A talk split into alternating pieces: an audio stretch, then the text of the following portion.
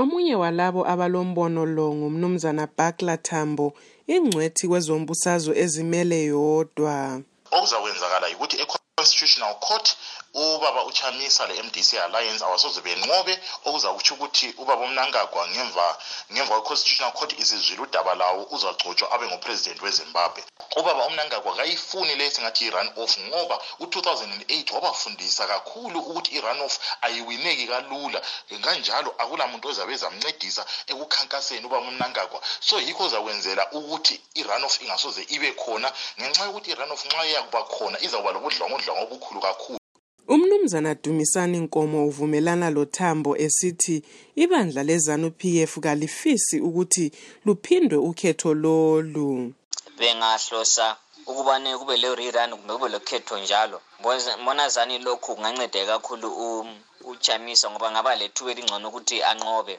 Esikwesabayo kuphela ukuthi ungaba le run off engxenye kungagcina sokulo lakela.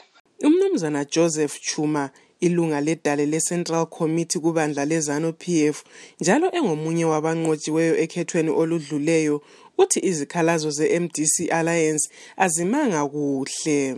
Uthi bahle baqala ngokusola umnankagwa kulokuthi basole izeg uthi kaboni ukuthi idale lizakhipha impumela efiswa ngumanyano we-MDC Alliance. Izikhalazo zabo zonke ngibona anto azimanga kahle ngoba bahle bavele baqala ngokuthi kona bakhombele umkhokheli wethu ubaba u-emerson dambuzo mnangagwa waba yi-first respondent.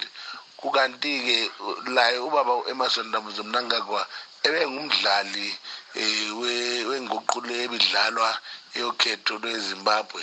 Isakhamuzi sakobulawayo umnumzana Sipho Masina uthi uzakwamukela loba yisiphi isinqumo sedale ngoba kafisi ukuthi kucine kusiba lobudlwangudlwangu. umbono wami bengikuthi eh samukele anything okukhulunywe yicourt simove on ngempilo zethu because sifuna ukuthula ngoba indaba siyabesibona ukuthi kuyagcina abantu sebasilwa sokulabantu abafayo sikhulekele nje kuphela ukuthi yena lo oyabe fakiwe ayenze izifiso zabantu Umumo okhona phakathi kukaZulu ngowokwesaba njalo iningi labantu alisakhululekanga ukukhuluma.